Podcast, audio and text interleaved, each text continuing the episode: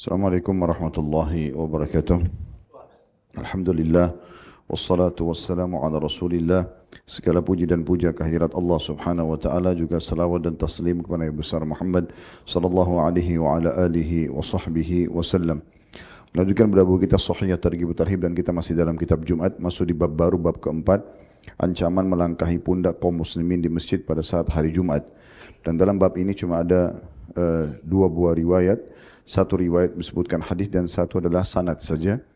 Hadis ini adalah hadis yang sahih urutan 714 dari awal belajar berbunyi dari Abdullah bin Bushr radhiyallahu anhu dia berkata jaa rajulun yatakhatta riqaban nas yawm al-jum'ah wan nabiy sallallahu alaihi wasallam yakhutub faqala ijlis faqad azaita wa anait Seorang laki-laki datang melangkahi pundak orang-orang pada hari Jumat sementara Nabi SAW sedang berkhutbah. Maka beliau SAW bersabda, duduklah karena kamu telah mengganggu dan datang terlambat. Hadis ini riwayatkan Ahmad, Abu Daud, An-Nasai, Ibn Majah, Ibn Khuzaimah, Ibn Hibban dalam sahih keduanya. Dan dalam riwayat Abu Daud dan An-Nasai, tanpa ada lafad wa anaita, maksudnya kamu datang terlambat. Dalam dalam lafad Ibn Khuzaimah disebutkan faqad azaita wa uzita. Maksudnya kamu telah mengganggu dan juga diganggu. Nomor duanya, ini sanad saja, sahih di ghairi menjadi sahih kerana dikuatkan dengan riwayat-riwayat lain urutan 715 dari awal belajar dan diriwayatkan pula oleh Ibnu Majah hanya saja dari hadis Jabir bin Abdullah radhiyallahu anhuma. Dari ini kita ambil pelajaran tentang masalah ancaman dan larangan bagi orang-orang yang datang terlambat di hari Jumat dan pada saat mereka datang terlambat selain kehilangan keutamaan banyak sekali yang sudah kita sebutkan di tiga bab yang lalu kehilangan catatan uh, malaikat orang yang datang awal waktu seperti bersedekah dengan seekor unta yang waktu kedua seperti sapi kemudian uh, domba ber, uh, bertanduk kemudian ayam dan kemudian telur maka itu semua sudah hilang pada saat orang datang terlambat.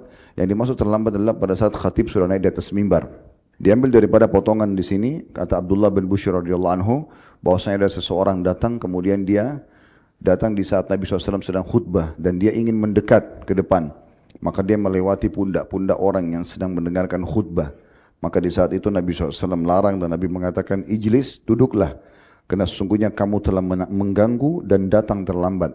Dan riwayat yang lain adalah, kamu telah mengganggu dan diganggu juga. Maksudnya, kamu mengganggu orang lain yang sedang fokus dengarkan khutbah dan kamu akan diganggu. Bisa saja kamu akan dimarahi oleh orang-orang justru karena kamu melakukan perbuatan tersebut.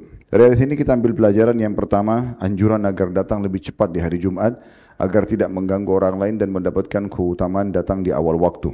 Kemudian yang kedua, bagi orang yang datang terlambat, dianjurkan untuk tidak datang mendekat kepada imam, maka dia mencari tempat-tempat yang bisa dia jangkau di bagian belakang agar tidak mengganggu orang lain.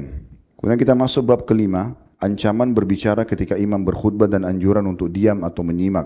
Hadis pertama dengan sanad sahih urutan 716 dari awal belajar berbunyi dari Abu Hurairah radhiyallahu anhu bahwa Nabi sallallahu alaihi wasallam bersabda, "Idza qulta li sahibika yaumal jum'ah ansit wal imamu yakhutub faqad lagaut." Jika kamu berkata kepada teman di dekatmu pada hari Jumat, diamlah. Sementara imam sedang khutbah, maka kamu sendiri telah berbuat hal yang sia-sia. Hadis ini riwayat Bukhari, Muslim, Abu Dawud, Tirmidzi, An-Nasai, Ibnu Majah dan juga Ibnu Khuzaimah. Lalu dijelaskan di sini ucapan lagaut kamu telah berbuat sia-sia adalah pendapat yang maknanya kamu telah gagal mendapatkan pahala Jumat. Ada yang berpendapat kamu telah berbicara. Ada juga yang berpendapat kamu telah melakukan kesalahan. Ada yang berpendapat solat Jumatmu batal. Ada yang berpendapat solat Jumatmu menjadi zuhur. Dan ada pula yang berpendapat selain daripada itu. Ini dinukil oleh Syekh Albani sebagai tambahan dari penjelasan hadis ini. Hadis kedua, dua buah hadis kita pelajari pada siang ini di bab ini dengan sanad sahih urutan 717 dari awal belajar dan darinya juga maksudnya dari Abu Hurairah radhiyallahu anhu dari Nabi sallallahu alaihi wasallam beliau bersabda idza takallamta yaumul jum'ati faqad lagut wa alghaita yakni wal imamu yakhtum. Apabila kamu berbicara pada hari Jumat dan kamu maka kamu telah berbuat hal yang sia-sia dan menggugurkan pahalamu yakni pada saat imam sedang berkhutbah. Diriwayatkan Ibnu Khuzaimah dalam sahihnya Hadis pertama ini dan hadis kedua menjelaskan kepada kita sesuai dengan judul bab ancaman berbicara ketika imam berkhutbah dan anjuran untuk diam dan menyimak.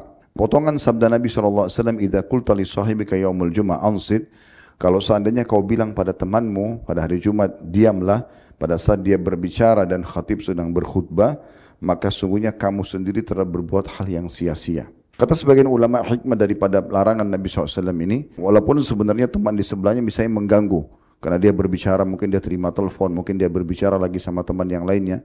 Kalau dia juga ikut menegur mengatakan diamlah, berarti dia akan makin meramaikan suasana pada saat itu.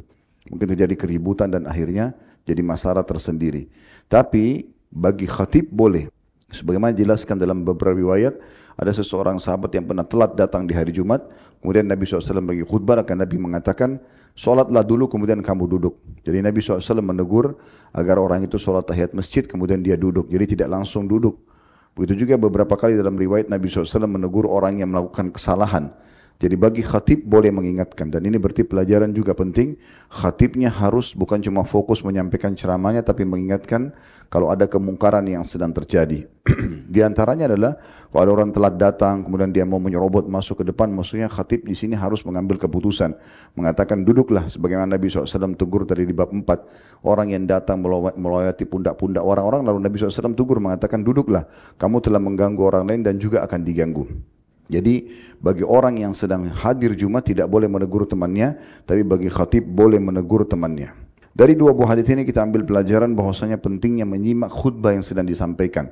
Walaupun sudah kami sampaikan di beberapa bab yang lalu, tiga bab yang lalu ada beberapa hadis menyebutkan, walaupun tema itu terulang, walaupun suara khatibnya kecil, apapun alasannya maka dianjurkan yang hadir untuk fokus mendengarkan. Dan dari sini juga kita memberikan masukan agar setiap pengurus masjid harusnya memperhatikan khatib-khatib yang diundang supaya memang mereka memiliki suara yang lantang, memiliki tema yang tersusun rapi supaya memang orang yang datang mendengarkan khutbah juga bisa mengambil faidah.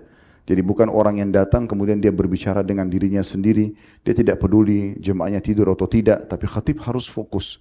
Bagaimana mata dia memandang ke jamaah, bagaimana suara dia lantang, bagaimana tema yang disusun memang dibutuhkan oleh jamaah untuk mengingatkan mereka supaya punya bekal satu pekan ke depan. Nah ini semua hal berhubungan dengan jangan agar jangan makmumnya melakukan pelanggaran. Dari hadis ini kita ambil pelajaran tentang pentingnya mendengarkan khutbah dan fokus walaupun tema itu terulang. Yang kedua, siapapun yang menegur temannya di sebelahnya, walaupun dia cuma mengatakan saja kamu diamlah ya, atau jangan berbicara, maka itu sudah cukup untuk menghilangkan pahala Jumat dia.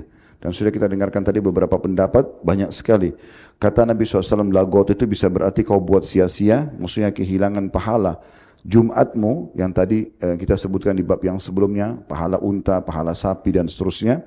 Ada juga yang berpendapat bahwasanya kamu telah gagal mendapatkan pahala Jumat selengkapnya. Walaupun ikut sholat Jumat, tetap saja tidak dapat pahala Jumat kalau sudah menegur orang yang ada di sebelah. Diambil juga dari pendapat lain yang mengatakan bahwasanya sholat Jumatmu telah batal. Berarti ini memang menandakan orang yang menegur saja itu sudah cukup membatalkan pahala Jumatnya. Ya, sebagian pendapat ada yang lebih tegas lagi mengatakan Jumatnya, sholat Jumatnya diganti dengan sholat duhur. Tapi ini pendapat yang dilemahkan oleh para ulama. Intinya dia kehilangan pahala Jumatnya. Ini dua buah hadis dalam bab ini. InsyaAllah ke depannya kita akan lanjutkan beberapa hadis lagi ke depannya. Dalam bab ini kurang lebih ada delapan buah hadis. Subhanakallahumma bihamdika. Asyadu an la ilaha illa anta astagfiruka wa atubu ilaih. Assalamualaikum warahmatullahi wabarakatuh.